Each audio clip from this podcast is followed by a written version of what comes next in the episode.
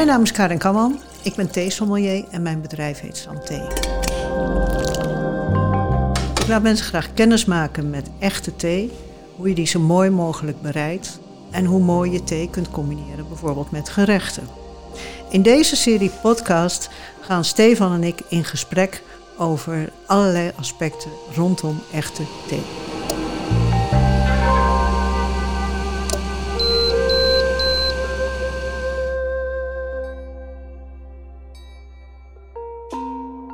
Karin, ik heb hier ehm, twee theeën voor me staan.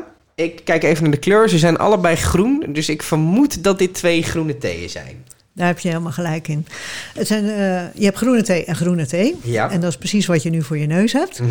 Ehm, als je goed kijkt, zul je ook zien dat de ene groene thee veel groener is Ja. dan de andere groene thee, die wat lichter van kleur is. Ja, die rechter is best wel donker, vind ik. Ziet Ja. er best wel donker uit. Ja, die ziet er eh, ehm, wel wat donker uit. Eh, wat je voor je neus hebt, want dat vraag je je ongetwijfeld af wat ik nou weer gedaan heb. ik heb een Japanse groene thee voor je gezet en een Chinese groene thee. En welke is de Japanse?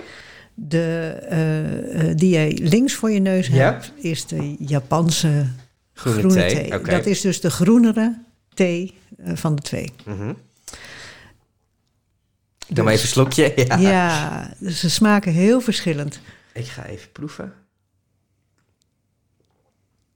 Ja, die smaken heel verschillend. Ja, Ja, ja, zo zie je maar. Je kan niet zeggen van ik hou wel of niet van groene thee. want het, het spectrum is, is best breed. Dat is enorm breed. Hè? Eigenlijk net als met wijn. Ja, Hè? De ene witte wijn is de andere witte wijn, wijn niet, nee. Hè? Heb je een moezelwijntje of eh, heb je een eh, Sauvignon Blanc? Ja. Dat is een heel groot verschil. ja. Wat zijn de verschillen tussen deze twee? Ja, nou ja, het eh, land van herkomst eh, eh, noemde ik net al. De ene is uit Japan en de andere uit China. Mhm. Als ik begin met de Chinese groene thee. Ja. China is ook echt een land van groene theeën. De Chinezen zelf zijn dol op groene thee. Die drinken eigenlijk bijna geen zwarte thee. Mhm. Zij drinken vooral groene thee. Ja. Ehm, in China zijn er ook enorm veel soorten groene thee. En ook daarvoor geldt, eh, de smaakverschillen zijn super groot. Mhm. De thee die ik nu voor je gezet heb, dat is een Longjing. Mhm. En Longjing is een van, eh, hoort bij de bekendste theeën eh, ter wereld. Ja. Je hebt zo'n zo'n lijstje wat er regelmatig wordt opgesteld van de 20 beroemdste theeën. Ja. En daar staat Longjing ook op. Mhm. Ehm, wat in zijn algemeenheid geldt voor groene thee in China. Is ehm, dat het oxidatieproces wat gestopt moet worden. Wat geldt voor alle groene thee, want anders blijft groene thee Nee, niet groen. niet groen. Nee. Daar hebben we het alles over gehad. Ehm, dat eh, oxidatieproces, dat stoppen ze door de thee te wokken. Oké. En als je dan... Past ook best wel weer bij China. Ja, hè, Ja. best wel. Ja. En het is echt heel gaaf als je dan eh, de kleine eh, theeplantages hebt, waar Mhm. echt het, het, het thee eh, produceren een ambacht is. Mhm. Die theemeester, als die het gaat wokken, dan ehm, haalt hij zijn hand tijdens de wokken door de theebladeren heen. Mhm. Daar kan die hand kennelijk heel goed tegen. of hij doet het heel snel. Ja, dat is best wel warm. Dat is best warm. Ja. En hij voelt eigenlijk aan de temperatuur van het blad wanneer het wokken klaar is. Hm. Dus eigenlijk is dat... eh, Echt een ambacht. Echt een ambacht, ja. Ja. Dat eh, resultaat van het wokken, dat kan je heel goed zien in het blad. Mhm. Ik zet het hier voor je neer. Ja. En eh, dat is dus het gedroogde blad van de Longjing. Ja. En ehm, wat valt je op? Ja, wat mij opvalt is dat de, de kleuren verschillen best wel. Dus de een is veel groener, veel donkergroener dan de andere. Ja, dat klopt. Ehm, het is bij Longjing zo dat eh, die wordt best wel wat langer gewokt. Ja. En je ziet dus dat sommige blaadjes wat, wat gelig worden Ja. haast. En Ja. dat is eigenlijk het teken dat het wat langer gewokt is. Ja. Dus eh, dat is best wel kenmerkend voor de, voor de Longjing. Ja. Ja, maar het is op zich ook logisch natuurlijk dat het ene stukje wordt langer gewokt dan het ander. Exact, Ja. exact. Maar eh, bij sommige Chinese thee worden wat korter gewokt en dan zul je geen gelige stukjes zien. Maar hierbij wel. Ehm, dat kom je ook in de smaak tegen, eigenlijk. Ja. En ja, je, ik weet niet hoe je hem vindt eh, verder. L- lekker.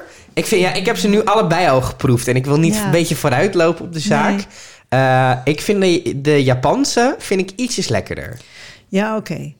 En is er specifiek van, nou ja, laat ik je helpen. Ja. Wat je zult proeven, denk ik, in de Chinese thee, Mhm. is dat die een beetje nootachtig is haast. Ja. Ja. En ik vind zelf altijd wel dat als je kijkt naar het droge blad, dan kun je je voorstellen dat het ook een beetje notig is Ja. eigenlijk. Dat Ja. komt door die gele, gele stukjes. Mhm. Dus dat maakt ook dat Longjing een hele mooie thee is om met allerlei soorten kaas eh, te combineren. Ja, Want dat notige, dat heb je soms ook in kazen. ze zitten, ja. Dus eh, dat combineert best wel, best wel mooi. Best wel altijd. lekker. Ja, dat geloof ik. Dat Ja. geloof ik. Dus dat, eh, dat is fascinerend aan het Chinese groene. En dan, je noemde net al dat je aan het proeven was van de Japanse. Ja. Dat is sencha. Ja. Oh, oké. Ja, heb je wel eens van gehoord waarschijnlijk? Ja. Sencha is denk ik een van de bekendste groene Japanse theeën. Ja. En ehm, het grote verschil met, met Japanse groene theeën en Chinese groene theeën is dat de Japanse theeën niet gewokt, maar gestoomd worden. Mhm. Mhm. Eh, dat gaat dus op een nog hogere temperatuur Mhm. en eh, ook vaak heel kort. Ja. En dat zorgt ervoor dat de thee ook vaak wat, eh, eh, dat zie je hier, want ik heb hier ook het droge blad Ja. van de, de sencha. Veel consistenter, st- consistenter qua kleur ook. Ja, en, en je ziet dat het veel donkerder groen is. Ja. Dat heeft ook met het stomen te maken. ja, want het wordt niet gewokt, het wordt gestoomd. Het wordt gestoomd. Ja. Ja. Ehm, ook heeft dat eh, invloed op de smaak. Mhm. Ehm, ik hoorde jou net al iets zeggen over je vond hem lekkerder. Maar Mhm. kun je er wat over zeggen? Ja, nou wat, wa- Het is misschien heel gek als ik je verhaal ook zo hoor, maar ik vind hem wat lichter of zo. Wat lichter, Mhm. wat vriendelijker. Nou, ik zal je verklappen. Ja. Eh, ik heb de Japanse ook op een veel lagere temperatuur gezet Oh. dan de Chinese thee. Mhm. Ik heb de Longjing gezet op 85 graden. Dat Ja. wil zeggen dat er wat meer eh cafeïne in vrijkomt, wat zorgt voor een licht bittertje. Ja.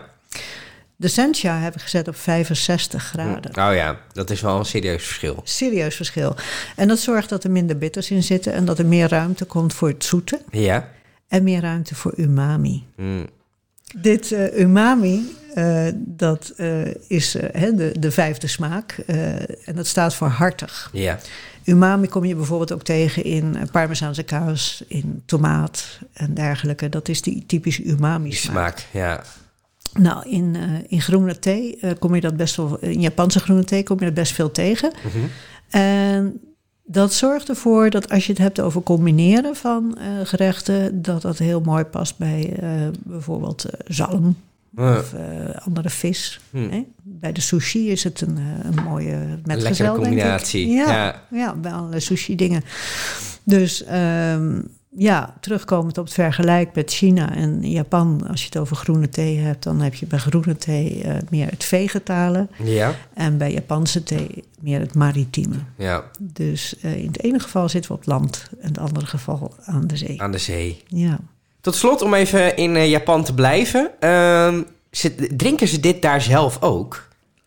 Japanners zijn eigenlijk helemaal niet zulke theedrinkers. Daarom. Dat verwachten we, maar Japanners exporteren hun thee vooral. Ja. Want wij in het Westen zijn dol op Japanse thee, maar zelf hebben ze daar wat andere gedachten over. Ja.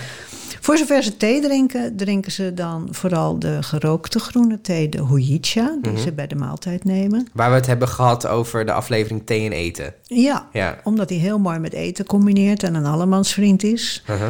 Ehm, de andere thee, en daar hebben ze zelfs een hele eh, ceremonie voor, want dat is ook al eeuwen oud, dat is matcha. Ja, dat is de bekende Ch- Japanse thee natuurlijk. Ja, daar heeft eh, denk ik iedereen van gehoord en het wordt steeds eh, populairder. Uh-huh. En wat houdt het precies in eigenlijk? Wat is nou het unieke van matcha? Ja, matcha, dat is ehm, een groene thee die, waar ze hoge kwaliteit groene thee voor gebruiken. Mhm. En vervolgens eh, via een heel proces eh, maken ze dat tot poeder. Ah. En dat is het grote verschil eigenlijk, want waar je normale thee van het blad ehm, een infusie maakt, Mhm. hè, dat je trekt thee uit het blad, Mhm. eh, gebruik je bij matcha het hele blad. Ah. Dus je drinkt het hele blad op. Dus je, alles wat er in thee zit, wat gezond voor je is, dat neem je gelijk tot je. Dus het is een knijtergezonde optie eigenlijk. Knijtergezond. Vind je het ook lekker? Ik, vind het, eh, ik moest eraan wennen. Maar inmiddels, eh, zo de middag. Uh, je zegt wel eens uh, maar voor mij is het dan matcha time. En zo richting vier uur, als ik even een pepper kan gebruiken, dan eh, gebruik ik een matcha of misschien zelfs een matcha latte. Dan schuim je het op met mooie havermelk bijvoorbeeld. En dat is een uh, tractatie. Weet je wat bedankt Karin in het Japans of Chinees betekent? Ik heb geen idee. bedankt Karin. Santé. Santé. Arigato Karin.